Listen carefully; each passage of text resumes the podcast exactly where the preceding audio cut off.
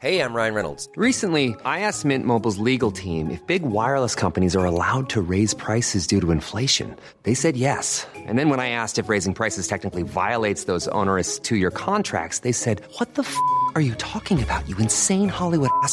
So to recap, we're cutting the price of Mint Unlimited from $30 a month to just $15 a month. Give it a try at mintmobile.com slash switch. $45 upfront for three months plus taxes and fees. Promo rate for new customers for limited time. Unlimited more than 40 gigabytes per month. Slows. Full terms at mintmobile.com. Man måste förtjäna rätten att göra ett marklyft. Det är genom att se till att all, alla de beståndsdelarna som behövs finns på plats. Annars har man ingenting där att göra. Det, det, det, det är så enkelt, men, men, men träning av någon anledning, det blir lite grann, alla måste ha en åsikt. Mm. Alla måste kunna träna. Det spelar ingen roll om någon har utbildat sig och sen står och säger så här är det. Och så står någon annan som inte har utbildat sig och säger men jag tror minsann att det är så här. Alltså, jag har ju andats i 40, nästa snart 42 år, men det ger det är ju inte mig någon kunskap att kunna liksom börja prata hjärta-lung liksom hälsa i största allmänhet. Men när det kommer till träningsvärlden då är det fullständigt självklart. Ja, men jag har ju tränat en gång för länge sedan. Grattis, men vet du vad som händer i kroppen? Jag menar, fortfarande är det så, vi gissar. Vi, alltså allt, allt vi som håller på med träning och utbildning, det är ju liksom den evidensbaserade vetenskap som finns till hands nu. Men om tio år kan det se helt annorlunda ut. Och det måste man liksom ha i bakhuvudet hela tiden. Att vi dyker djupare, djupare, djupare. Vi kan fortfarande inte riktigt förklara träningsverk.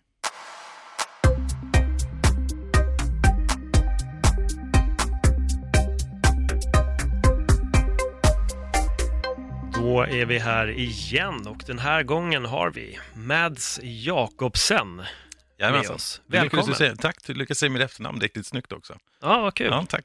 kul. det är inte alltid det blir så. Det kanske finns lite danska gener i mig också. Ja, men det är inte omöjligt. Vi Nej. smyger lite in överallt och försöker infiltrera. Ja. Ja, exakt. Men eh, jag gör så här, eh, träning är ämnet idag och det är därför du är här. Så jag Ja. lämnar över en liten presentation om vem är du och vad har du gjort? Eh, lite kortfattat kan man säga så här att jag är, jag är den här dansken som flyttade till Stockholm. Eh, som alla andra träffade man en svensk tjej. Sen så stannade man kvar här. Hittade Crossfit ganska tidigt. Började jobba åt Crossfit HQ. Var med och startade Crossfit Nordic. Ehm, började sedan jobba på Reebok, satt där i fem år som ansvarig för sportsmarketing i Europa bland annat. Ehm, sen så gick jag till Eleiko, där jag redan var undervisare, men sen så blev jag ansvarig för deras globala utbildningsplattform. Och sen har jag suttit och gjort ett projekt nu på The Academy som eh, slutar alldeles strax. Så. Välmeriterat och jag måste ju tillägga för lyssnarna här att eh, du är faktiskt här på grund av att Magnus Hedenblad rekommenderade dig i det, Det som är stort. första avsnittet. Ja, det, känns, det känns stort. Eh, vi kommer väldigt bra överens. Vi delar nog rätt mycket värderingar i stort. Sen är han avsevärt mycket bättre på att slåss än vad jag någonsin kommer att bli. Men det är en annan sak. Men du är bättre på muscle-ups. Ja, precis. precis. Fast jag tror nog att han, jag hoppas inte han hör det här, men om han hör det så, jag tror nog faktiskt att han kommer att bli lika bra som jag, om inte bättre, på väldigt kort tid om han bestämmer sig för det. Rätt envis typ. Ja, oh, det, är det är han verkligen, speciellt med det valet han har gjort. Men jag tycker att vi hoppar direkt på, så min första fråga till dig är, varför ska vi träna? Eh, alltså det finns ju, man kan inte säga, det, jo, så här. Det finns ingen rätt eller fel skäl till varför man ska träna, utan alla kommer ha sin egen skäl till varför de gör det, om det är estetiska mål eller vad det är. För egen del är det egentligen så här att jag, jag känner att jag vill ha en fungerande kropp. Jag vill kunna vara en aktiv del i min sons liv. Jag vill kunna, jag vill inte vara en fånge i att min kropp inte klarar av att göra vissa saker. Jag vill kunna bestämma själv vad jag vill göra och sen göra det utifrån ett intresse, inte från en begränsning av att ja, men du kan inte göra det, jag kan inte göra det, jag kan inte göra det. Så, det är väl, så därför tycker jag man ska träna. Men om man sen gör det för att man vill ha det ute på magen och fin i t-shirt, men kör, herregud. Och det är väl ändå där ganska många har landat ibland, att det kanske gäller just det estetiska. Jag eh, kommer citera Paul Check här, för jag Mm. tycker att han har ett så bra citat. Varför ska du kunna lyfta 100 kilo i bänkpress om du inte ens kan prata med din fru? Ja men exakt. Ja, men exakt. Ja, men Alltså, jag, har, jag har någon sån här historia som jag tycker den, var- den satte en lite grann huvudet på spiken för mig. Jag hade nog förstått innan dess att det var det jag ville göra. Jag ville ha en fungerande kropp. Jag ville att andra skulle få liksom, innehåll i sin vardag. Jag kunde ha lyxen av att liksom, bedriva sina, sina fritidsintressen. Men jag har en liten son, eh, eller han är 11 nu så han är inte så jäkla liten längre. Men han var inte så gammal och inte så långt ifrån där vi bor så finns det lite stenar och sånt där. Vi var ute och gå. Jag var en dålig pappa, Jag gick och kollade mejlen i min telefon. Och alla som har barn vet att barn kan ju skrika på två olika sätt. Det ena sättet är, du är dum i huvudet, jag vill inte gå och lägga mig än, det är mycket roligare att spela. Kanske inte behöver bry sig så mycket om det. Och det andra är det att de tror de ska dö för de blir utsatta för någonting som ja, men de inte har blivit utsatta för förr. Plötsligt så skriker han på precis det sättet och jag får ju panikångest. Först och främst för att han låter sådär. För det andra för att min fru kommer att inse rätt snabbt att jag var en dålig pappa liksom och gått och kollat min telefon istället. Kombinationen av de två faktorerna gör att jag får ångest direkt. Springer dit, där det ligger han på marken. Hans fot är i någon så här halvkonstig vinkel och jag får ju, alltså det, ja, men, det är svårt att förklara riktigt den där känslan. Men jag plockar upp honom, springer till bilen, vi åker till SÖS med honom och visar han han har stukat foten rätt ordentligt. Men förmågan att kunna plocka upp honom och stoppa in honom i bilen och springa till bilen vart det är någonstans, det var väl egentligen det som han ska veta, det spelar ingen roll hur gammal han är, pappa kommer kunna hjälpa honom. Det var väl lite grann det. Alltså. Vem bryr sig liksom? Alltså det ute på magen är säkert jättekul. Mm. Jag vet inte. Men det här var mer intressant om jag ska vara helt ärlig. Så. Ja. Jag, jag tycker det är, en, det är en väldigt intressant sak du tar upp här. Så hur skulle du kunna... Alltså, det handlar ju om rörelse. Ja. Jag menar, det finns faktiskt vissa föräldrar som har till och med svårt att böja sig ner. Ja. Så jag förstår verkligen tanken med att kunna hjälpa ditt barn i vilken situation den är. Ja. Ehm, vad skulle du säga för rörelsemönster som vardagsmänniskan nu kanske har glömt? Ja, men alltså det, vi, vi blir ju så stillasittande. Så det är liksom, ja, men det är förmå, förmågan att sätta sig på huk. Liksom bara en så liten sak. Eh, att man blir så kort i höftböjarna så ländryggen börjar bli, börjar bli problematisk för folk. Man får ländryggsbekymmer, man får liksom bröstryggsbekymmer, man får alla de här olika problemen som liksom dyker upp hela tiden som, som gör att man inte är fri att kunna leka med sina barn eller kunna ta hand om sitt eget hus eller sådana här saker. Eller, eller bara att man har de här smärtsymptomen som gör att man inte går ut och liksom bejakar sina intressen hela tiden. Det är väl egentligen det. Så jag tycker den där stillasittande livsstilen, den, eh, den, är rätt, den är rätt ocharmig. Och när man sen börjar prata med folk och säger så ja men hur många steg går du per dag? Nej, jag går ju 100 000 steg. Och så kollar du deras telefon. 400 steg senare, liksom hade gått en hel dag. Alltså, det, det, jag tycker det är tråkigt. Eh, vilken rörelse skulle du vilja lägga till en person som inte rör sig mycket? Vad skulle du säga är den viktigaste rörelsen? Alltså, jag skulle vilja ge dem utfallssteg. Mm. Alltså jag, är- jag är brutal fan av utfallssteg. Jag tycker alla borde göra utfallssteg, i princip hela tiden. Ehm, den är hyfsat komplex, eh, men det blir ofta så här, ja men du gör ett knäböj. Men hur ofta sätter jag mig ner i ett riktigt knäböj? Men utfallssteg, det gör jag hundra gånger. Liksom, I alla möjliga sammanhang, så är det utfallssteg. Hur gör man ett eh, korrekt utfallssteg? Det beror helt på vem man frågar igen. Jag kommer vara så jobbig sådär, Yoda-stycket. Men, nej, men ett, ett korrekt utfallssteg, det är ju liksom, men det är ju eh, ett utfall som är anpassat efter vad du behöver göra. Initialt har du inte gjort någonting annat, axelbredd mellan fötterna, ta ett steg fram. Främre knät kommer att landa någonstans runt 90 grader, bakre knät bromsat ungefär en centimeter över marken. Och sen tar ett steg fram. Det är, Vad är de stora fördelarna med just ut, utfallssteg? Rent muskulärt, vilka muskler aktiverar vi och så vidare? Ja, men alltså det är ju hela låret, det är vaderna, det är sätet, det är ländryggen, det är bukmuskulaturen. Sen är det koordination också. Eh, så det, ja, men det är egentligen allt. Och Det är just den där, den där symbiosen mellan olika muskelgrupper som gör att de, de börjar prata med, med varandra, kräva saker av varandra, håll balansen, se till att inte tippa hit och där, allt sånt där. Korrigera hastighet och sånt. Det är det jag tycker är, är häftigt. Sen kan man alltid belasta det, men jag menar, det där med belastning är lite roligt, för det är ju så här, belastning för mig, det är ungefär som att ha en dålig relation och så säger man så här, men vi skaffar barn. Alltså jag är rätt övertygad om att liksom ett yttre våld är inte det som kommer rädda den här relationen om man säger så. Och det är samma sak med, med, med, med, träning. Alltså, kan inte du göra rörelsen utan belastning eller om belastningen är det som liksom gör att den här, den här rörelsen har något sorts syfte för dig, men då har du helt missat poängen. Tycker jag. Ehm, och det är ganska vanligt att vi ser folk på gymmen just belasta på tok för mycket. Ja, men alltså alldeles för mycket i ett alldeles för tidigt skede. Man är helt ointresserad av att lära sig rörelsemönsterna. Eh, och det roliga med det hela är att man får ju liksom ingen effekt av det man gör heller. Eller ingen, men man får ju begränsad effekt. Hur ofta hör man inte, ja, jag kan inte bänkpressa, jag får så ont i axlarna. Ja, vad, vad kan ha hänt? Mm. Kanske inte lära dig bänkpressen från början. Ja, men hur jävla svårt kan det vara? Sänka skivstången till bröstet. Det är rätt komplext, alltså. folk tävlar i det där. Spenderar rätt mycket tid på att försöka lära sig. Ehm, vilka övningar skulle du säga är liksom de bästa? För helhetstänk nu, tänker jag. Alltså utfallssteget, böj, mark, bänk. Man är rätt klar efter det. Sen är det klart man vill kunna generera kraft också, man vill kunna hoppa, man vill kunna göra alla möjliga, alltså alla sådana saker. Men, men har man liksom ja, men utfallssteg, knäböj, marklyft, en bänkpress, då är man rätt gott på gång. Alltså. Eh, hur länge sedan var det du gick din första utbildning inom träning? Oj. Skulle det var nog runt, vad kan det ha varit, 90, 94, 95 någonting. Är väldigt länge sedan. Man... väldigt länge sedan. Ja. Det jag är intresserad av här är då vilka sanningar på den tiden har nu visat sig varit så långt ifrån sanningen som du trodde då? Oj.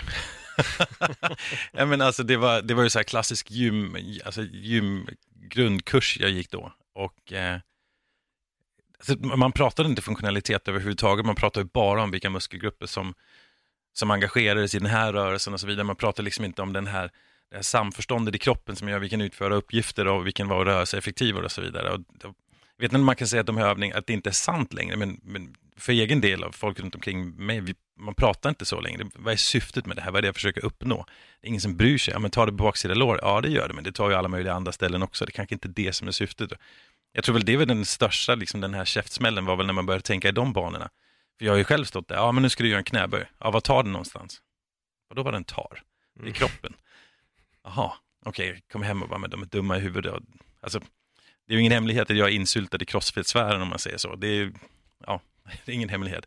Och jag kommer ihåg när jag liksom gick min första kurs och försökte få de här svaren, men vad, vad tar det här? Och de var helt ointresserade. Alltså kunde inte bry sig mindre. Det, var så här, det är kroppen som jobbar, som den var ämnad att göra från början. Jag tycker vi ska fortsätta så. Sen, sen crossfit är lite, jag älskar crossfit, men, men crossfit satte sig själv i en tråkig sits initialt. Man började bråka med allt och alla så att vi har svaret på alla livets frågor, alla andra har fel. Och det blev, det blev så fel. Eh, nu tycker jag man är lite mer ödmjuk nu i sitt tillvägagångssätt. Man tar hjälp av löpcoacher, man tar hjälp av tyngdlyftningscoacher, styrkelyftcoacher och så vidare. Och så vidare. Det har blivit mycket mer eh, open, alltså en öppen community som, som tillåter att man, att man får expertkompetens från andra håll också. Så, så det blir finare. Vad tror du är som, som gör det? För jag, jag höll på med street workout, började 2013 startade jag ett team som heter Bar Mafia och, och då jag reagerade själv på det, jag var inte riktigt delaktig i den diskussionen, men många var så här, ja ah, men det här är street workout, det här är inte det. Ja. Man ska göra sets och reps, det handlar inte om att bara göra tricks. Att många gånger hamnar folk, och det här också, det här är den bästa ja. träningsformen. Varför landar vi alltid där? För crossfiten är det ju liksom ingen tvekan om, det var ju för att det var från USA, man försöker, liksom, man försöker slå sig in på en marknad som är överetablerad från början och då var man tvungen att göra det med liksom att, att antingen dyka upp och göra någonting som ingen annan har gjort förr, men crossfit var inget nytt. Liksom. Det hette styrkegymnastik från början på 40-50-talet här. Det var absolut inget nytt. Men, men, men i USA var man liksom tvungen att förpacka det på något nytt sexigt sätt. Och det blev lite grann att sticka ut hakan och säga vi är bättre än alla andra. Vi, eh, det vi gör är helt unikt. Det var det inte alls bara. men, nej, men det är just, just förpackningen, jag tror det är därför det handlar, man hamnar där. Sen blir man ju nykär. Och när man är nykär, då är det ju liksom vi mot världen på något sätt. Och, och då är det så lätt att tro att alla andra har fel. Nej, men sen Men sen när man landar i sina relationer, då tror jag det blir lite lättare att få den här, men de kanske också har rätt ibland. ja, för det intressanta för, för min del när vi körde var att eh, jag började successivt glida över mot yoga. Och då var det många i teamet som typ garvade lite. Ah, yoga Paul, haha, nu kör typ alla, alla yoga. jag tror också det att alla blir mer öppna ja. för allting till slut när de börjar eh, köra ja, lite man, olika grejer. Man slår ju i taket, det är helt naturligt. Vad händer då? Då börjar man söka ny inspiration. Det är det som alltid händer. Och när man sen får den inspirationen någon annanstans ifrån, och någon, liksom, någon är vuxen nog att se över den här infantila, infantila stadiet där man säger, ja men vi kan allt, ja, men varför står du här då? Mm. Ja, men jag kanske inte kan riktigt allt, men nästan allt och så vidare. Och då när man kommer över det stadiet, då blir det mycket mer, då blir det öppet för alla. Och sen blir det de här, inom crossfit alla, alla tävlingsatleter, när de börjar göra grejer som inte jag kan göra längre, då blir de som, varför kan, varför kan de det? Ja, men de kanske har gått till en yogalärare, de kanske har fått löphjälp, de kanske har fått hjälp någon annanstans. Då släpper man ju sin stolthet fullständigt, men jag ska ju tävla med honom. Mm. Stolthet är kul, men tävling är roligare. Du lär dig ju skåta bättre ifall du kör yoga också. Ja, men eller hur? Absolut. Ja, men har du rörlighetsinskränkningar? Absolut. Liksom. Vem vill inte kunna andas i, i, i utmanande positioner? Alltså, jag, ser inga, jag ser inga problem överhuvudtaget, men folk kan göra precis vad de vill så länge de blir bättre atleter av det, eller mer funktionella människor om man säger så. så ja. Vad skulle du säga är de största missförstånden eh, med crossfit egentligen, eller runt crossfit? Ja, men det är ju alltid en tävling. Och det är ju, vi har ju gjort det själv. Vi har ju lagt upp liksom, men, fanfilmer där vi, liksom, vi sliter järnet på thrusters och pull-ups. Och man visar sina blödande händer på sociala medier efter och bara kolla hur jävla jobbigt det var. Man glömmer ju bort att 90% är ju liksom en, en, en, resa genom att försöka vara mer rörelseeffektiv. Och, och, men det är ju ingen som vill lägga upp det. Jag menar, hur kul är det? Det är mycket roligare att lägga upp att, ja, men kolla nu la jag 2,5 kilo till på min backsquat, på min ryck, på min, på min stöt eller något sånt där det är inte jättekul att bara, ja men kolla nu fick jag, fick jag bättre startläge i min marklyft vem bryr sig? Det, är, det får jag inga likes för. Och tyvärr är det ju så, det är instant gratification, alla vill ha det. Mm. Inklusive jag själv. Så du, för jag läste att det var någon som hade lagt upp att varje gång en person lägger upp en bild på att de har eh, förstört händerna av träning, han bara, då tänker jag bara, ja, det kan ha varit Paul Check som har sagt det också faktiskt, han bara, då tänker jag bara att de är en idiot, för då missar de istället en veckas träning med tanke på att handen måste läka. Ja men eller hur? Ja, men alltså, det, är så, likgiltigt. Alltså, det är så här, men, löparna lägger ju inte upp bilder på sina trasiga dojor. Alltså, de har ju fattat. Men grejen är, crossfit är ju så ung som sport. Alltså, vi har ju fortfarande så mycket barnsjukdomar kvar. Vi måste, vi måste igenom tonåren först. Vi måste, vi måste få vara lite galna, vi måste få säga en massa saker. Sen får vi krypa till korset och växa. Som en del av den process, processen också. Liksom. Det, det blir ju så. Det, men det är nog det största missförståndet, att man tror. Och det är ju också det som gör att många säger så här, nej men jag ska inte gå till en crossfitbox för jag är inte tillräckligt bra form. Du kommer i form när du kommer dit och 90% av din tid kommer du stå och öva på att bli bättre på saker tillsammans med andra som inte heller kan. Men det är ju som sagt inte det man lägger upp. Fast det är väl lite standardursäkten från alla, Ja, att de, ja, jag, jag är inte redo just nu, eller jag måste göra det här innan, och så ett sätt att skjuta fram ja. de Jajamensan. här grejerna. Då gör man det fast man har liksom aldrig gjort det ändå. Nej men exakt. Ja, det, är, menar, och det, det är väl lite mänsklig natur så här. Man kan inte bara säga att jag är helt ointresserad av det här just nu. Mm. Man måste säga, det måste finnas en ursäkt. Vem vill inte ta hand om sig själv? Alla borde göra det. Ja, verkligen. Jag, jag har en fråga till, för vi, vi vände in det lite på marklyft, eller Mm. nämnde ju marklyft där i. Um, marklyft är en övning, för er som inte vet så har även jag också jobbat som PT i massa år. Uh, och när jag ser folk instruera, när jag ser folk som inte är tränare instruera sina polare på gymmet, så står de och förklarar envist hur man ska se ut i kroppen när man gör en marklyft och personens kropp tillåter inte det. Jag brukar jämföra det vid att jag kan säga till en person att gå ner i split, men jag kan inte. Jo, jo, du behöver bara sära på benen. Ja. Men det går inte. Nej, men du måste prova ännu mer. Det är lite det att folk är så extremt orörliga, men ändå vill vissa människor påträngt lära dem de här övningarna som de faktiskt inte kan utföra rent bara genom muskulär stillhet som du nämnde. Ja men absolut. Men det- det är lite grann som om du och jag går ner på Eriksdalsbadet och så säger vi, vi vill gärna hoppa från tian. Det är ju inte så att de ger oss nycklarna och säger där borta kan du liksom slå på ljuset och sen hoppa när du vill ungefär.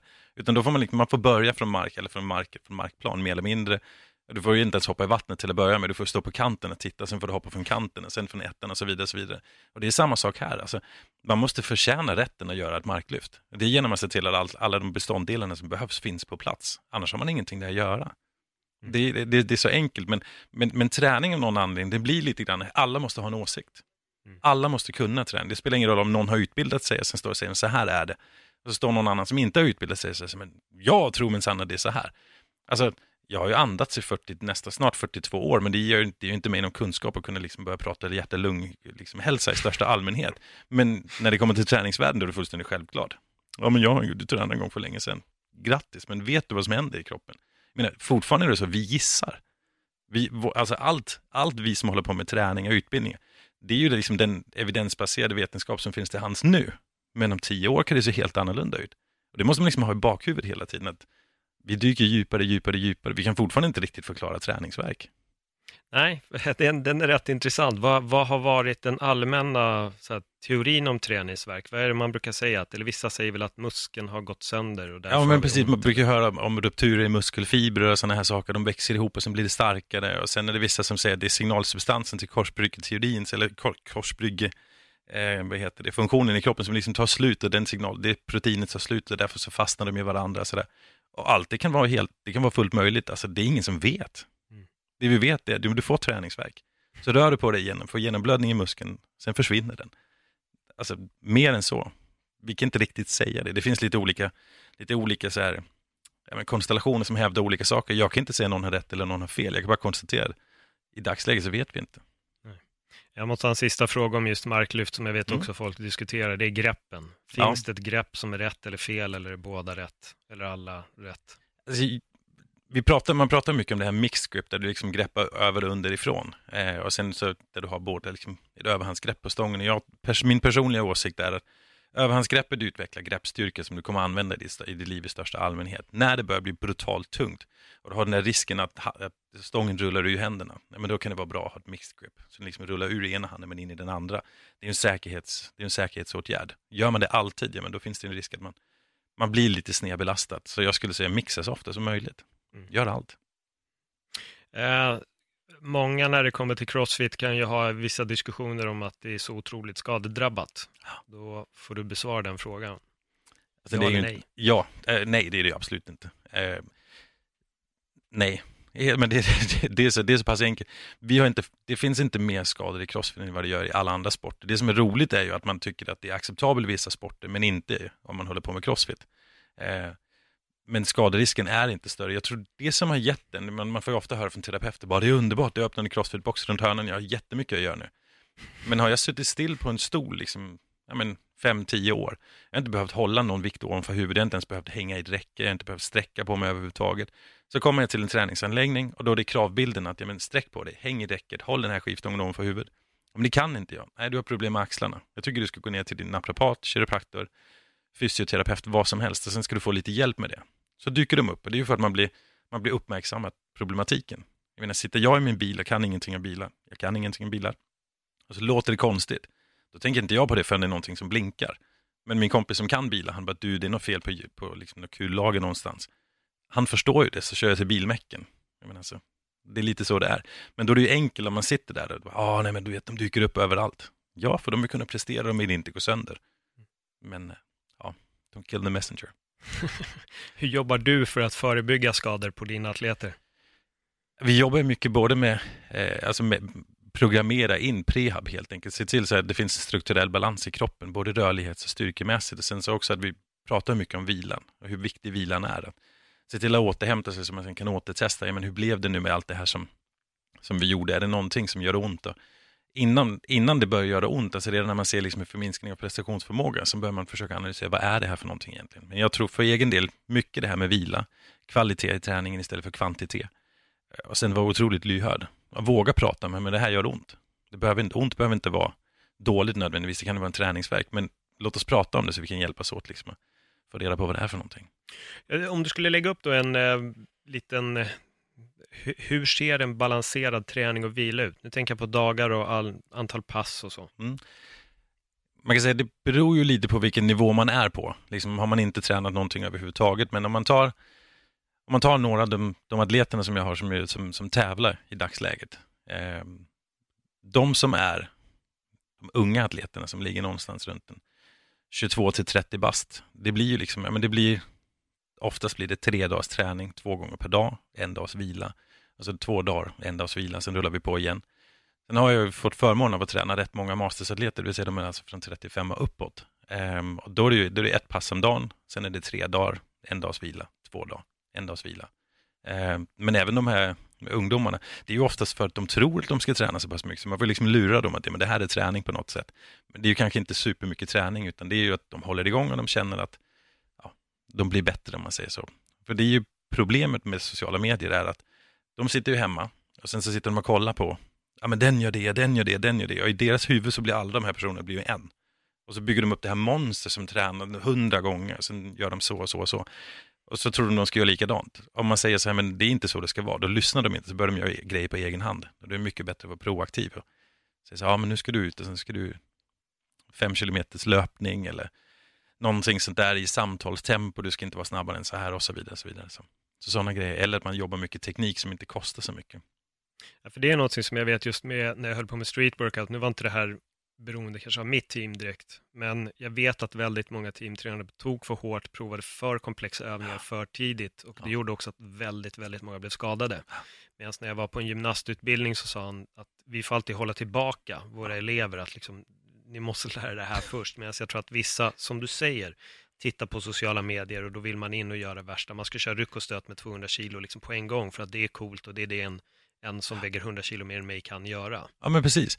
Men jag, det var så roligt för jag hade en, hade en möjlighet att träffa, att träffa Rich Froning, och så sitter vi och pratar om det här.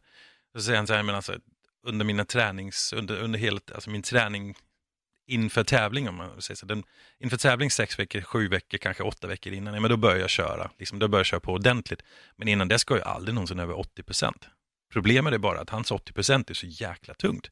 Så någon annan som ser det, bara, ah, jag måste rycka 140 kilo för annars så, ja du glömmer bort, han står och gör det gympadoj hemma i sin källare, liksom, inget större problem för honom. Han är inte nära sitt max. Men det där är ditt max. Du kan inte upprepa det. Det glömmer ju folk bort, för de har ju skapat det här monstret i sitt huvud redan. Liksom.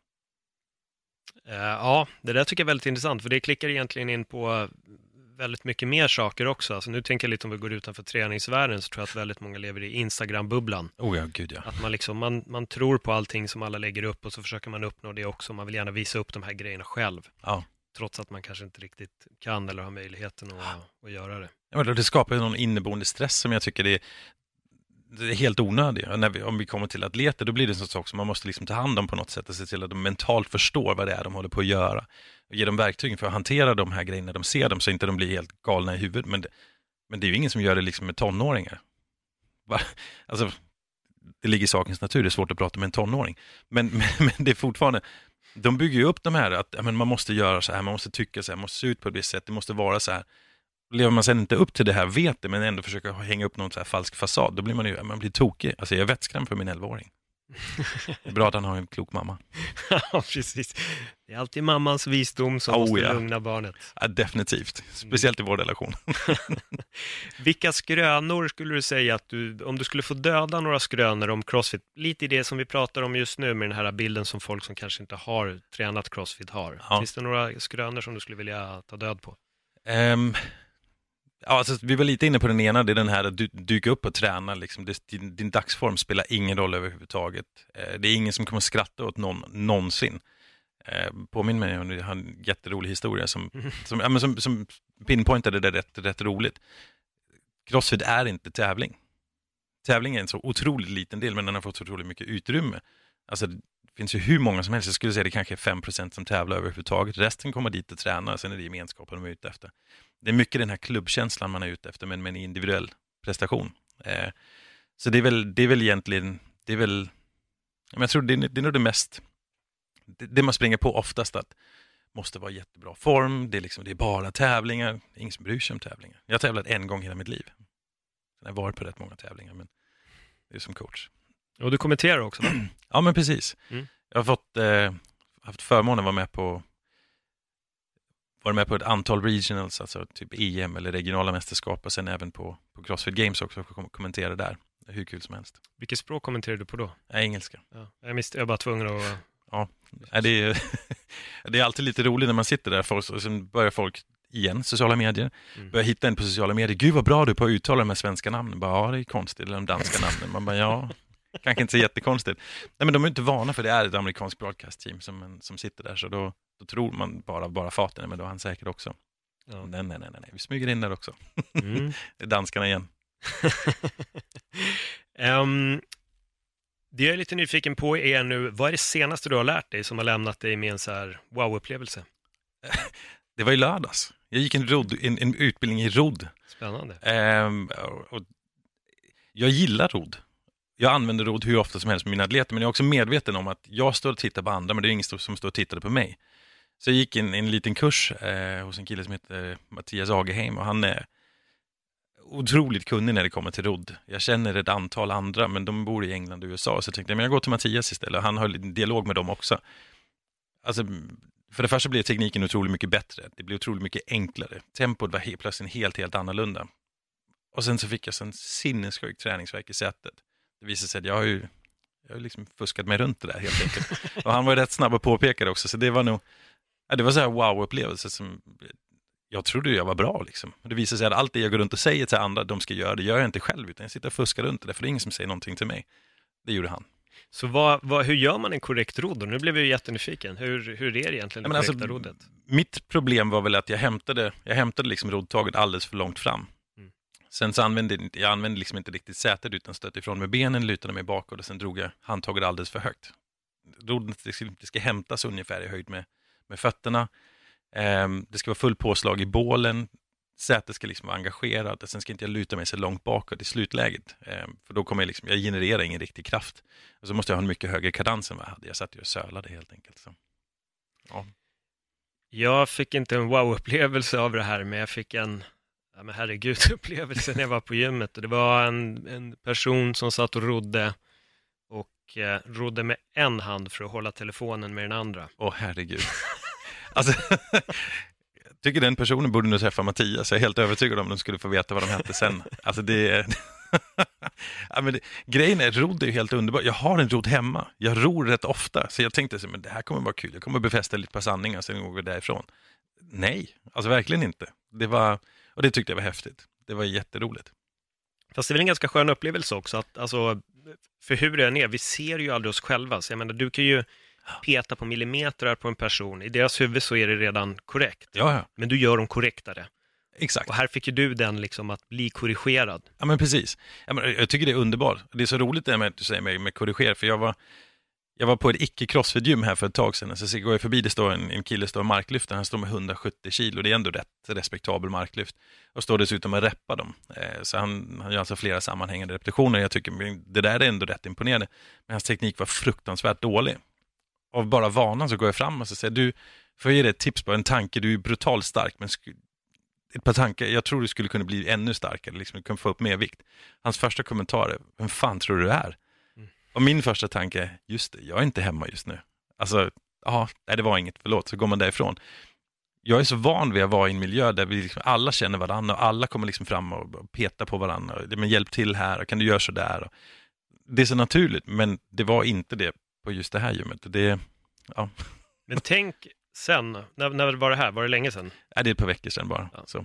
Tänk om han om några dagar nu ser vem fan du är. Tror inte du att han blir lite chockad själv då? Nej men alltså, ja jag vet, jo men det kanske han gör, men jag hoppas ju egentligen bara att eftersom han ändå är så pass stark så han kan stå och reppa 170 kilo mark utan några större bekymmer, att han liksom ändå vaknar till och sen känner mig, jag kan ju i alla fall lyssna. Sen behöver inte jag ta till mig den sanningen, för det är ju någon annan sanning, absolut. Men då måste han ändå begrunda varför han har valt att antingen ta till sig eller inte ta till sig. Det är väl egentligen det. Är väl egentligen det. Om han sen fortfarande tycker jag är dum i huvudet, det är helt okej. Okay. Men, men ta till dig det där. Om du lyssnar nu, du är ju stark som en björn, liksom. du, det kan bli bättre. ja, men jag är lite förvånad över det där, för folk eh, har ju ibland jättesvårt att få höra någonting, ibland kanske på gymmet. Och sen är det nog också för att det finns, alltså jag måste säga, men jag, det, det, det, jag fick liksom ett minne här av en gammal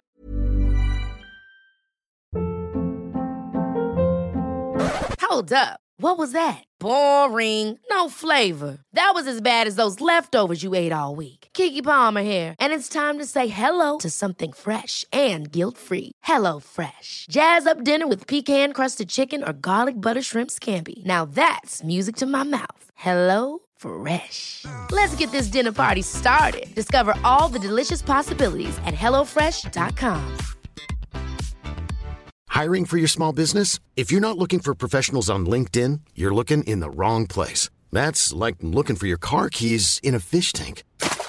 LinkedIn helps you hire professionals you can't find anywhere else, even those who aren't actively searching for a new job but might be open to the perfect role. In a given month, over 70% of LinkedIn users don't even visit other leading job sites. So start looking in the right place. With LinkedIn, you can hire professionals like a professional. Post your free job on linkedin.com slash people today.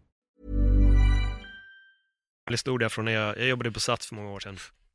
Um, jag var lite stel i liksom bålen och, och sätet och sånt, så jag stod med ja, men i ren marklyftsposition, men det jag gjorde var att jag ville töja ut baksida lår istället.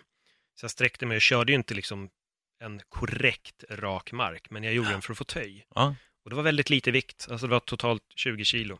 Inte ens det tror jag. Då kommer en kille fram, han bara, tja, han bara, jag vet att det är skitjobbigt när någon kommer och tipsar en.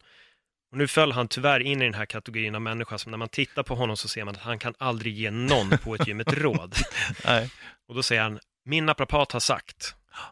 Och då sa jag så här, jag bara, okej, okay, men om din naprapat har sagt det, då borde du se att jag just nu står och stretchar min muskel och inte arbetar aktivt med den. Ja. Och eftersom att jag är personlig tränare här på gymmet så kanske borde förstå det också. Och då var det så här, åh gud, förlåt, eh, ursäkta, och, jag känner mig jättedum. Och sen kom han fram tre dagar senare när jag stod med kund, han bara, fan jag har haft så dåligt samvete flera dagar efter att jag sa till det, jag känner mig skitdum. Och jag hade ju sett honom två dagar innan gå och säga så till vältränade människor också. Ja. Jag vet hur jobbigt det är med liksom, min naprapat. Och jag sa så, fan, din naprapat kan ha rätt och din naprapat kan ha helt fel. Ja. Jag tror det är farligt att gå och citera ja, det är superfarligt. vad en annan person har sagt, för att du har inte det ögat. Nej. Skillnaden är när en riktig, kanske då naprapat eller som dig då en riktig elitcoach liksom kommer fram och ger tips, ja, men då ska man nog slå på öronen Ja, men, och, men som sagt, och antingen, vi menar, jag höll ett pass på Nordic i morse där vi satt och pratade om det här, och hade en möjlighet att ge alla lite individuell feedback på lite övningar vi gjorde. Och då så säger vi så här, men ni behöver inte ta till er det här. Det här är min sanning som jag står och ser den just nu och den kanske inte passar er överhuvudtaget. Det kanske så att den passar er om fyra månader eller den aldrig kommer passa er. Men om ni väljer att inte ta till er det här, så försök begrunda för er själva i alla fall varför. Någon sorts medvetandegrad om varför man vill eller inte vill göra olika saker, det tror jag det är alltid bra. Men sen precis som du säger, har du inte kunskapen själv, liksom, och bara står och liksom, spyr upp någonting som lät vettigt när någon annan sa det, du har ingen aning om sammanhanget heller. Liksom. Är det, man ska nog vara lite försiktig med det tror jag. Jag får verkligen känslan av att du har ett väldigt eh, öppet sinne när det kommer till träning. Att du är väldigt, eh, alltså, vad, vad, heter det, att du, du lyssnar på nya saker, du är redo att ta till dig och prova. Ja, men jag har lärt mig det den hårda vägen. Alltså det, det finns en bok som heter Tankar från en kannibal. Det är lite grann, jag älskar den boken. Det är en kille som har fått en son och sen så vill han, liksom, han vill dela med sig av alla sin, all sin visdom. Och han skriver sen en massa tips till sin son och den är rätt ointressant om man inte har barn, ska jag vara helt ärlig. Men, men det finns ett, ett citat som jag tycker är helt underbart som är det finns ingen värre straff än att upptäcka att man genom sina handlingar har gjort det omöjligt att bli den man gärna vill vara. så när du har bränt alla broar, målat in dig i alla hörnor och stängt alla dörrar och sen upptäcker du att fel och måste gå hela vägen tillbaka och be om ursäkt till varenda människa hela vägen till startpunkten igen. Det är nog det värsta straffet som finns och jag har gjort det. Jag var helt insnöad på, liksom, på något som heter super slow exercise för en jäkla massa år sedan när man fortfarande hade hår och hopp om livet. Eh, inget hår kvar i alla fall. Eh, men, men, och då insåg jag efter ett tag, men det var ju, det var ju bra grejer det, det de pratade om. Men jag trodde liksom att det var verktyget för alla. Det spelar ingen roll vad du vill göra så är det här verktyget. Det insåg jag sen var fel, så då får man ju krypa till korset och börja, börja erkänna det. Och det är väl lite grann där också jag kan tycka, men jag älskar crossfit men det är inte rätt för alla. Absolut inte. Jag älskar tyngdlyftning. Det är inte rätt för alla. Jag tycker löpning är ett helvete. Men jag vill jättegärna lära mig. Jag försöker lära mig att bli bättre på det. Men det är inte för alla heller. Så det är så här, jag tror man måste vara öppen. Och sen kan man begrunda varför det är rätt eller fel just nu. Ja, men kör. Men hellre ha gjort det och ha gått igenom den här resan. Hur jobbig, var, hur jobbig var processen att inse att fan, jag har haft fel? Nej, den var fruktansvärd. Den var fruktansvärd. Speciellt eftersom jag jag hade verkligen lagt mitt liv och själ i det här tyckte jag under något år. det här är liksom, det är vägen fram, alla borde förstå. Alla som inte förstod, jag bara, men jag begriper inte varför ni inte förstår. Och sen efter ett tag så inser jag, den enda som inte riktigt har förstått, det är ju jag. Jag har inte lyssnat på någon överhuvudtaget, utan bara stått där liksom, kör på, kör på, kör på. Eh, så nej, men det var, det var, det var tufft. Det var tufft, men, men fostrande. Stöter du på mycket folk som är i den fasen du var då? Ja, absolut. Jag menar, alltså, det är bara som nu när vi var i när vi var i Madrid på Crossfit Regionals där, så sitter man där och kommenterar och sitta och prata om den här tävlingen. Sen efteråt så är det massa som gärna vill prata, det är helt underbart. Alltså det är supertrevligt att stå och prata med alla och man märker, de har ju liksom de har ju köpt det här med hulla hår. Alltså allt som står i Crossfit Journal, det är, liksom, det är deras. Och, och det roliga med det hela är att många av de grejerna som står i Crossfit Journal, och andra så här Crossfit-alster eller om man lyssnar på olika boxare eller vad tränare och sånt där säger, det är ju under vissa förutsättningar, de har bara svalt det det är deras sanning nu. Och så står de där liksom, nu ska ni få höra allihopa, ut och knacka på dörren. Kan jag bara få berätta en sak för dig? Och jag tycker någonstans är det vackert, för jag tycker det är underbart när folk blir så engagerade. Men det är också så otroligt synd, för man förstår att ni kommer stå där och vara rätt nyktra sen. Just nu är ni liksom mitt på festen, ni är fulla som ägg allihopa, det här är helt underbart. Men imorgon när ni vaknar så kommer det bli lite stökigare. Men det är, det är en resa vi behöver göra allihopa, tror jag. Vad är det som gör egentligen att vi tar till oss, eh, inte bara träning, men, men saker på det här sättet, att det blir som vår religion? Jag tror vi, vi definierar oss själva mycket genom våra, våra fritidsaktiviteter. Eh, tidigare var det alltid den här, ja, men, ja, vem är du? Och så berättar man vad man jobbade med. Nu är det mer så här, men vem är du? Och så berättar man vad man, vad man, liksom, vad man gör i sin fritid. Och det ger sig alla andra en bild av dina intressen, vem omgås du med, livsstilsval och så vidare. Så, vidare. så jag tror det är lite det egentligen, att det är ju ingen som säger så här, men vem är du? Ja, men jag är en glad pappa till Rasmus och jag är gift med Jenny. Jag tycker det är rätt skönt i största allmänhet. Utan, ja, vem är du? Nej, men då blir man ju liksom, man blir crossfit-dansk eller man blir det här eller man blir det här. Och jag tror det är därför man associerar, det är livsstilsval man gör som definierar vem, vem man är. Om man spenderar massa tid och resurser på det så. Jag tror det är lite därför. Och det är lite grann som, igen, jag ber om ursäkt, men jag kommer jämt tillbaka till det här med, med att skaffa barn. Men det är som när man får barn, då får du 10 000 råd av allt och alla. Både för att folk vill vara trevliga, men de vill ju besanna sina egna val också genom att höra att du tycker det här lät vettigt. Sen när jag säger att jag tränar crossfit, för det är, liksom, det, är det kul, det är det roligaste någonsin, jag har aldrig haft så roligt i hela mitt liv. Då vill jag gärna höra någon annan som säger, ah, jag förstår, jag tycker likadant. Och om de inte gör det, då bara, men så kan jag trycka på lite till, trycka på lite till, trycka på, trycka på lite till. Ja, kanske ska låta bli. Om du är på fest och folk inte vet vem det är och så får de höra att du jobbar med träning, börjar du få mycket ursäkter då? Gud ja. Ja, men- ja, det, det är så här, vem är, vem är det som brukar få frågan? Liksom? Det är ju, ja, men det är, det är ju, jag tror det är rörmokare, försäkrings, folk som säljer försäkringar och poliser. Och sen är det väl tränare. Liksom det, alla har någon erfarenhet de gärna vill. Och sen är det en förklaring till varför det inte riktigt blev som det blev. Liksom. Eh, jag var på en gammal klassfest för, för några år sedan. Till att börja med så, ska jag, säga, det var jag gick ju på handel till Danmark och då, det var mina gamla handelskompisar. Och då, d- d- jag vet inte, jag var väl lite halvobstinat av mig, så det började med, ja, vad gör du för någonting? "Ja, Jag är gyminstruktör. Och de sa, vad fan, handels och gyminstruktör, du är ju dum i huvudet, vad hände liksom? Och så sitter de där allihopa, och, eller ett gäng, i alla fall det gänget som jag hängde med, de satt ju där och var bestörta allihopa. Så går det inte så lång tid så dyker den första upp, så bara, ja, jag har också tänkt att jag ska börja träna, vad, vad tycker du jag ska göra? Liksom. Sen till sist så sitter de med allihopa, och det är ju, det är ju mina vänner, så jag kan inte bara säga, skit i det, prata jobb nu. Men om vi vänder på kakan, liksom, ja, men du sitter och jobbar på Maersk, liksom. kan inte vi prata shipping? Alltså, de hade inte velat prata om det överhuvudtaget, så nej, jag vet, inte, man hamnar där. Det får man köpa. Nej, för jag tror nog aldrig jag har gett folk så mycket skuldkänslor genom att säga att jag var tränare en gång i tiden. Då, alltså jag fick 2000 ursäkter och och jag kände inte människorna. Nej, nej, nej. Ah, fan, jag vet, jag borde för jag sprang förut och sen la jag av så började de bara komma med ursäkter. Så, alltså, du, vi kan bara kröka istället och inte tänka på det här nu. Ja, men det kommer ju direkt. Alltså det, men det, gör, det är samma sak när du sen går ut och så är det någon som precis har stått och berättat hur mycket de tränar. Ja, men jag, min, jag sköter min kost och min vila och alla de här grejerna. Jag sköter dem hur bra som helst. Kommer ut så står de och tar en cigg. Alltså det är bara när jag festar. Alltså jag skiter i det. Det är ditt val. Du är vuxen. Liksom. Det är high fives and chest bumps. Om du är bra så kör. Inte därmed sagt att jag tycker att rökning är en bra sak, men alltså, folk behöver inte motivera sina val till mig. Nej. Det är helt okej.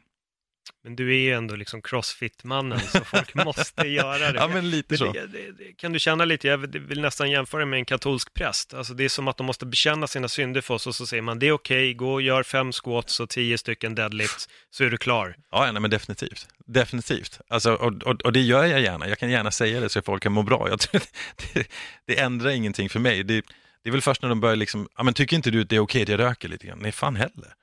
Ja men tycker inte du att nej, det tycker jag verkligen inte. Men fråga inte om inte du vill ha sanningen. Men, men därifrån till att skuldbelägga det utan du har bett om min mening, aldrig någonsin. Det, nej. Jag tänkte göra ett litet raskt hopp över till lite kost. Ja, Ehm, och då tänkte jag nästan ställa samma fråga som jag ställde lite tidigare där. Ehm, vad gäller kosten, hur har din syn förändrats på kost sen du gick dina första utbildningar och började med dina första liksom, kostbitar? Ja, men- Vilka sanningar har, är inte sanningar längre? Ja, men alltså, kolhydratladdningen har ju försvunnit, pastan har försvunnit. Eh, raffinerat socker har blivit avsevärt mycket mer intressant att kolla på än, fett till exempel. Och, och, det, det, går inte, det går liksom inte att jämföra överhuvudtaget. Eh, nej, men det var mycket sånt här, ja, men har du fått i dig till med kolhydrater då? Pasta var liksom, det var nyckeln till allt. Det, där hade man den. Eller keso, men det är också det bästa som någonsin har funnits. Jag kan inte minnas när jag sist åt varken pasta eller keso. Eh, det kommer nog ta lite tag igen innan det händer igen om man säger så. Så, men så de sanningarna, liksom den där hejdlösa överdoseringen av protein också.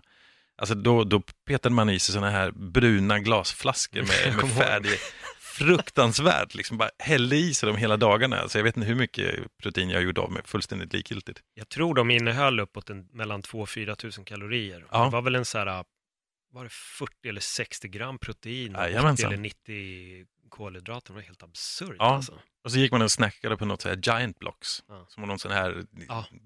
konstig massa med, nej det var fruktansvärt.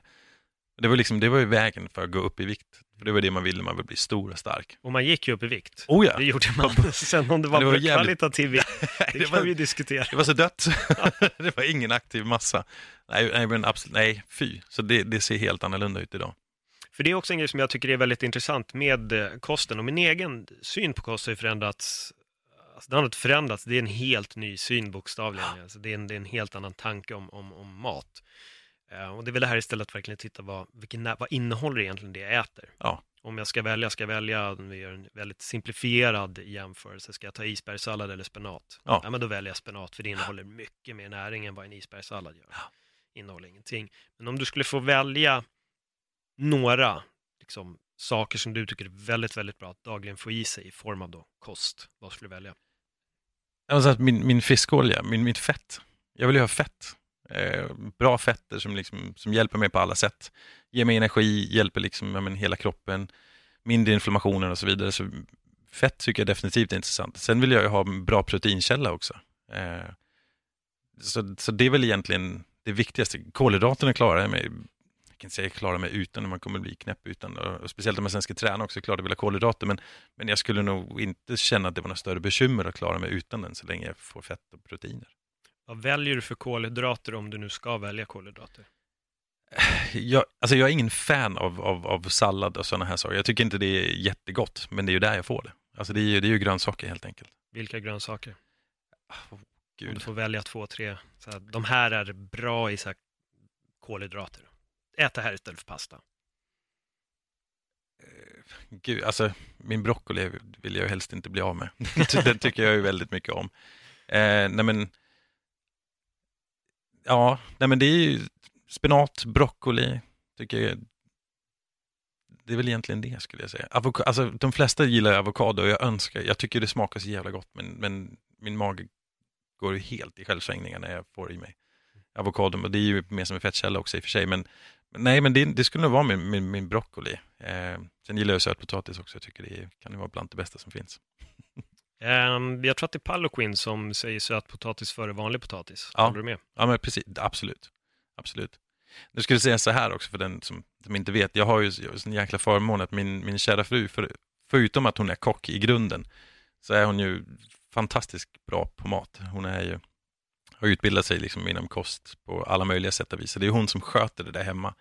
Eh, jag diskar, plockar undan och fixar, hon lagar maten. Eh, och det, det är ju sån lyx som, jag vet inte riktigt hur jag ska förklara det, men det känns otroligt lyxigt. Hon gör bra kostval åt oss liksom och, och tar hand om allting, så jag behöver liksom inte göra det själv. Eh, jag märker när man sen är borta hur mycket hon egentligen gör. Så, ja, Följdfråga på det. Vad får din son, vad får han för mat? exakt samma som vi. Samma. Han har ju, han har ju ADD, så han, har liksom, han är inte hyperaktiv, men han har ju koncentrationssvårigheter. Vi märker ju att när, han, när vi minimerar hans sockerintag, då blir det avsevärt mycket bättre. Kombinera det med att han får sova mycket, så blir det bättre. Eh, kombinera sen det med fysisk aktivitet, så blir det bättre. Så han har ju gått från att ha extra hjälp i skolan till att inte ha någon extra hjälp överhuvudtaget och kunna liksom sköta sin skola utan, utan några bekymmer överhuvudtaget. Och, och det är liksom, jag kan inte säga att det är, liksom, det är den heliga graalen, men jag kan säga för oss har det varit det. Mest för att en son som går i skolan inte trivs och inte på grund av lärarna är dumma eller något sånt där, han har bara svårt att koncentrera sig.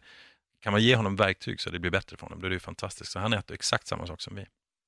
Det här tycker jag är, nu gled vi in på någonting jätte, jätteintressant. Ehm, när du säger då raffinerat socker så tror jag att folk tänker då kanske direkt godis alternativt rent socker. Ja. Vad finns det mer för sockergömmer som du ser till exempel föräldrar ge sina barn som är såhär, nej det här skulle jag aldrig ge min son. Ja men alltså mackor.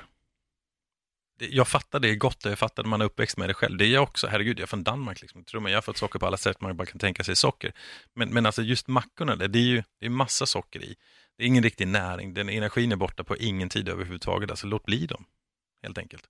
Det är, och det, är den här, du vet, de börjar bli, de börjar bli småhungriga innan maten eller på eftermiddagen eller något sånt där. Så ge dem, men ge dem, ge dem någon sorts mellanmål som, som gör att ja, men de inte behöver det. Men gå och ta en morot och lite nötter. Då är det okej. okej. Om man märker direkt så försvinner ju suget, de slutar stå och dra i, i skafferier. Liksom.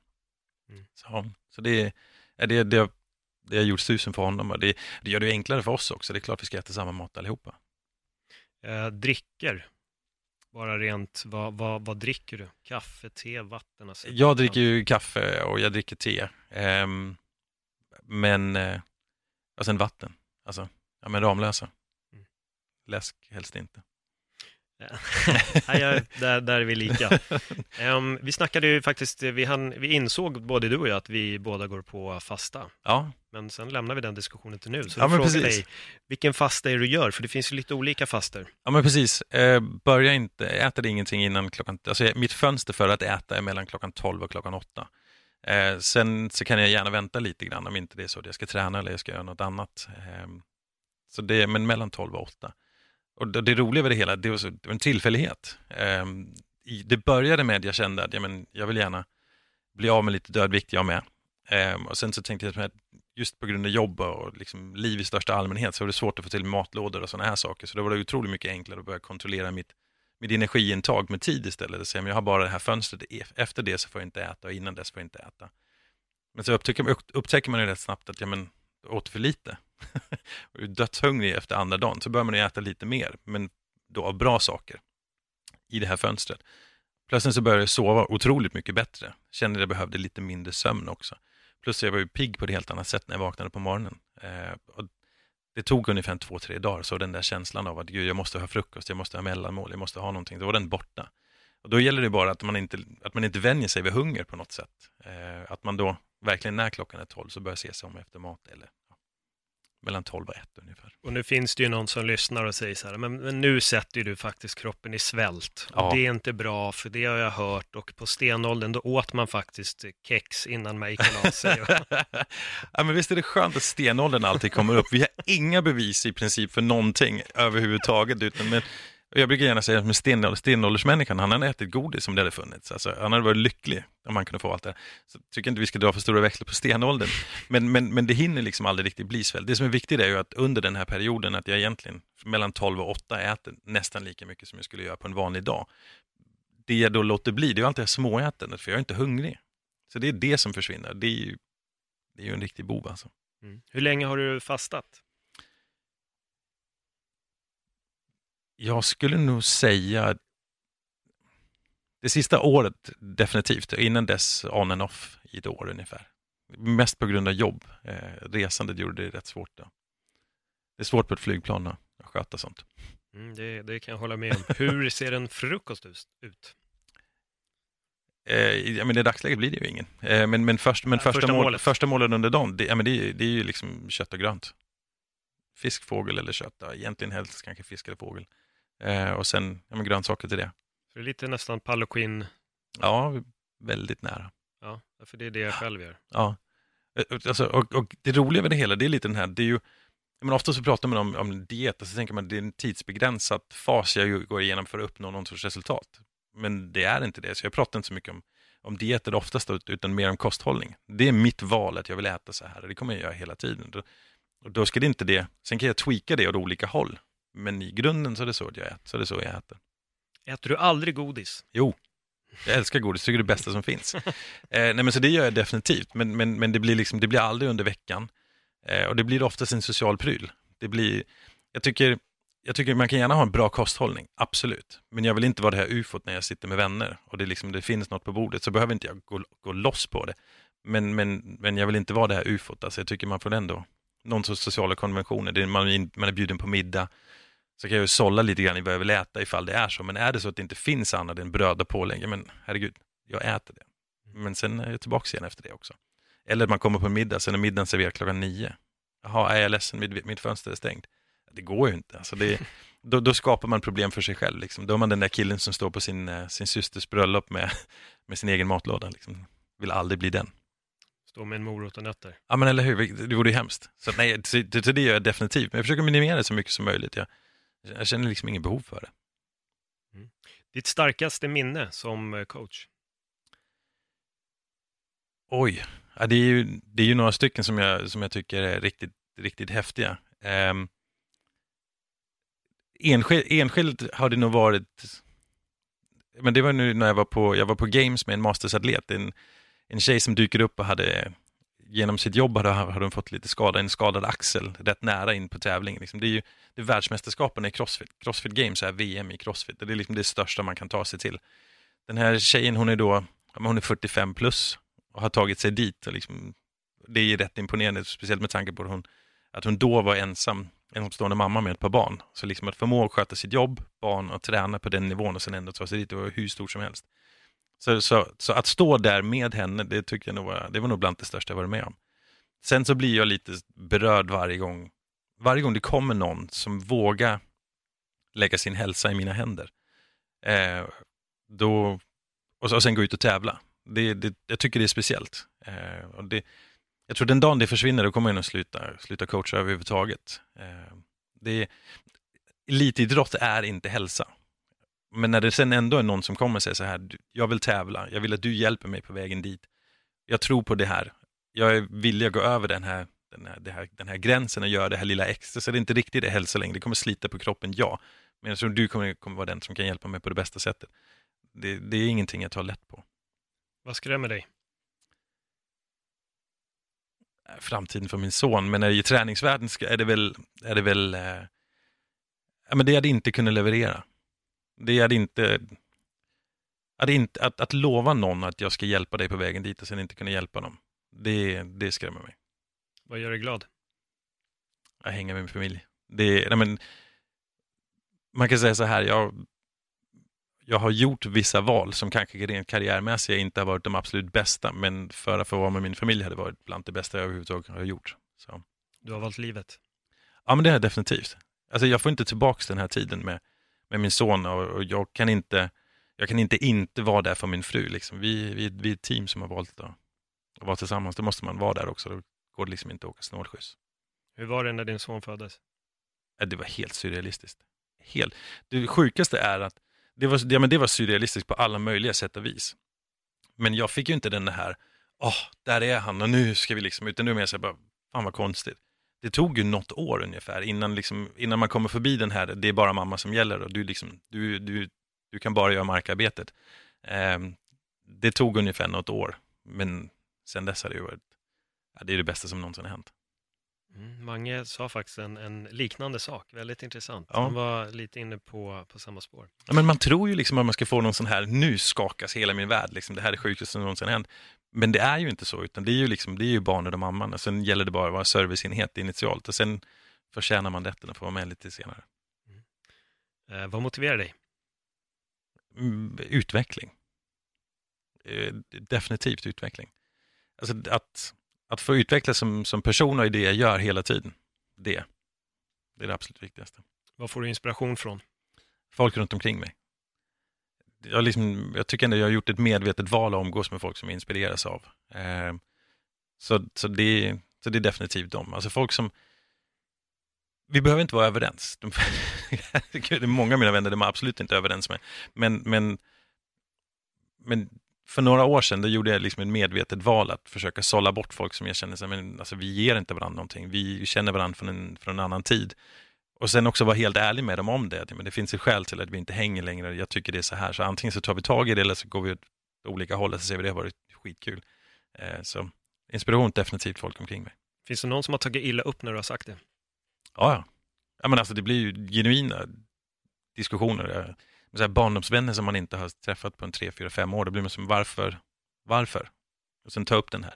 Ja, men du är ju bara träning nu för tiden. Jag bryr mig inte om träning överhuvudtaget. Nej, men det kanske finns annat vi skulle kunna prata om. Och då, då märker man att ja, men, vi pratar inte om samma sak. Du, du tycker, jag, tycker inte om, om att bli lämnad, men jag bidrar inte med någonting till ditt liv överhuvudtaget. Och vice versa. Så, ja. Har du någon förebild? Ja, det har jag. Han är tyvärr inte med oss, men min morfar var min absolut största förebild. Eh, Jag kan nog tacka honom för mycket. Han var, han var hudlöst ärlig, eh, supersnäll, världens snällaste människa eh, och ville andra genuint väl. Och även om det ibland, det ibland brann för honom, han, liksom, han brände sig på andra, så blev han aldrig bitter. Och det tycker jag är fantastiskt fint.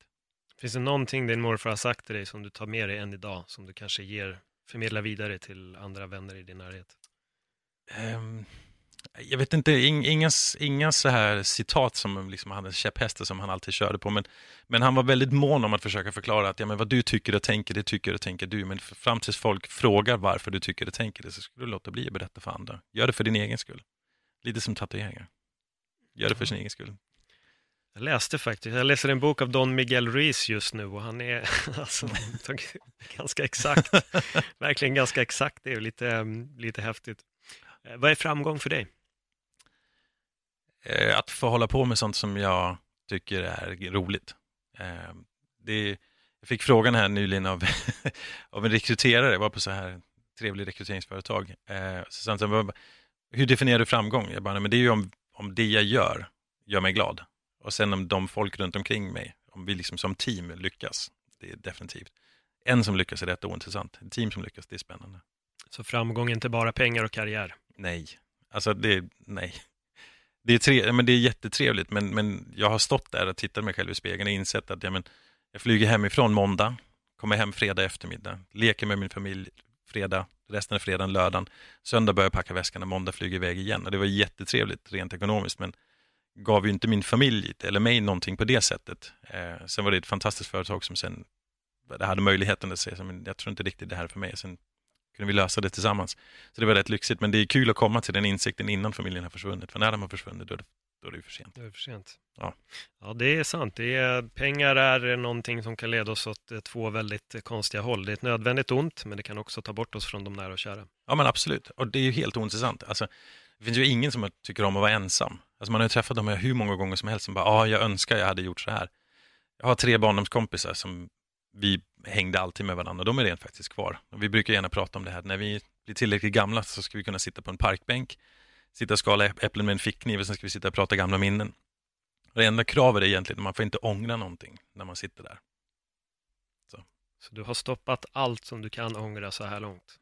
Du är på rätt väg? Ja, jag tycker det. Och de, det jag har ångrat har jag försökt att åtgärda så gott jag överhuvudtaget kan. Alltså det är omöjligt att inte ha några ha någonting man ångrar. Så absolut, det är klart det finns saker, men man får försöka åtgärda det på ett bra sätt, som man kan säga. Men jag ångrar det, men jag tror jag har fixat det. Bästa rådet du fått? Oj, bästa rådet jag har fått. jag, vet, Nej, men det, jag tycker det är svårt av den enkla anledningen. Jag, får så jäkla, jag, har, jag har fått så mycket bra råd av folk. Det har varit så många som har, liksom, som har sagt grejer som har influerat mig. Men, men jag tror nu, jag, jag, tror ju det jag sa tidigare, liksom, det värsta straffet det är att upptäcka att genom sina handlingar så har man hamnat någonstans där man egentligen inte riktigt vill vara. Mm. Vad är du stoltast över? Jag är stoltast över min familj. Ingen, ingen tvekan över det. Eh, sen utöver det, då, eh, om, man, om man ska vara superhärligt egotrippat, så är det nog när, det finns ju någonting inom crossfiten som heter invitationals, där man tar liksom atleter från olika länder och sen stoppar ihop dem. Och då fick jag det uppdraget att coacha Team World, så man hade tagit folk från hela, hela världen. Och roligt nog skulle vi då tävla mot Team USA, så USA var liksom inte en del av Team World. På något knäppt vänster. Men i alla fall, det var så det var. Och då, eh, ingen hade då vunnit över Team USA. Det gjorde vi, då fick jag coacha dem. Eh, det, var, det var stort. Vad sa omvärlden när ni lyckades med den bragden?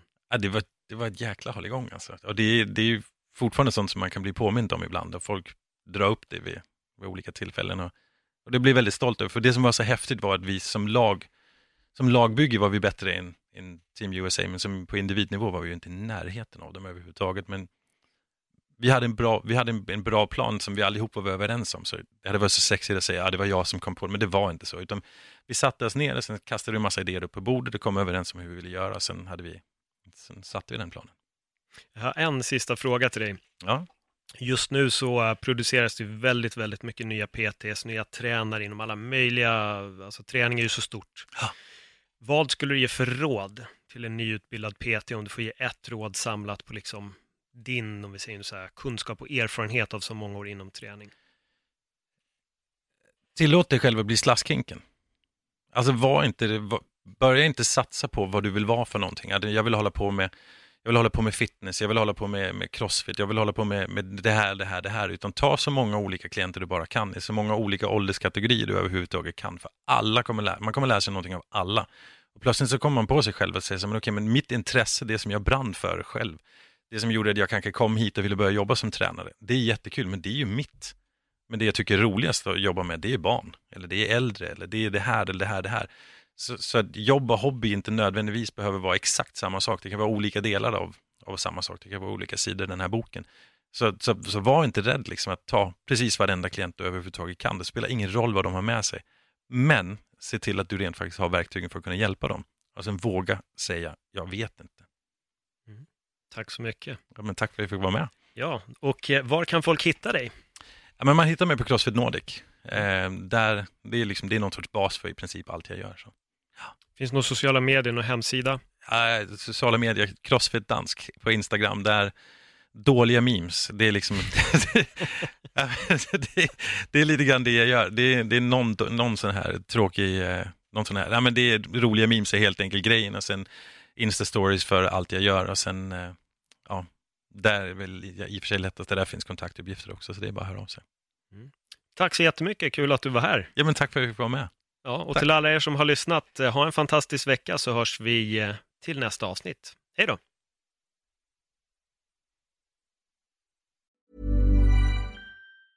Ever catch yourself eating the same flavorless dinner three days in a row? Dreaming of something better? Well, HelloFresh is your guilt-free dream come true, baby. It's me, Kiki Palmer. Let's wake up those taste buds with hot, juicy pecan-crusted chicken or garlic butter shrimp scampi. Mm. Hello Fresh. Stop dreaming of all the delicious possibilities and dig in at HelloFresh.com. Let's get this dinner party started.